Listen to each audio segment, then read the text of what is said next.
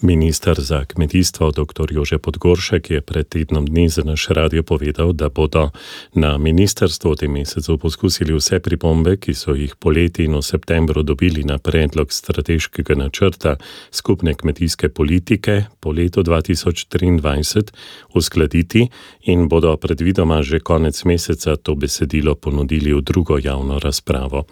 A pogovori o zadju še vedno potekajo, precej pripomb je slišati tudi strani predstavnikov predstavnikov živilske industrije, ki želi, da bi tudi po letu 2023 iz skupne kmetijske malhe dobila znatna sredstva za nove investicije, a kmetje opozarjajo. Absolutno, če gradimo primar, se pravi kmetije, kmetijstvo, da proizvaja hrano, da se posodablja, da obstaja tudi v težjih območjih predelave, v gorskih območjih in tako naprej, in proizvedemo to hrano. In jo pripeljemo kasneje v predelavo pa mislim, da mora biti osnovni pogoj, da če se bilo kaj investira v Sloveniji v, v, v razpisnem okolju, mora biti surovina slovenska. Zakaj bi mi za, za, za, za našo vojnico strateškega načrta financirali uh, nek, uh, živilsko industrijo, ki bo, ki bo bazirala na uvoženi, na uvoženi surovini? Po eni strani vemo, da velika večina strojev, naprav, tehnologije prihaja iz tujino. V redu, pač nimo razvite te industrije.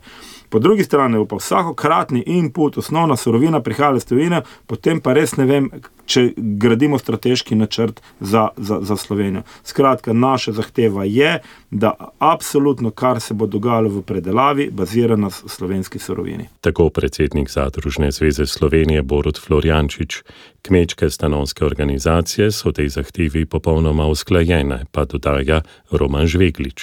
Predavalna zrija, če bo hotela kandidirati na razpise, bo mogla imeti eh, pogoj odkupa in deleža slovenskih surovin.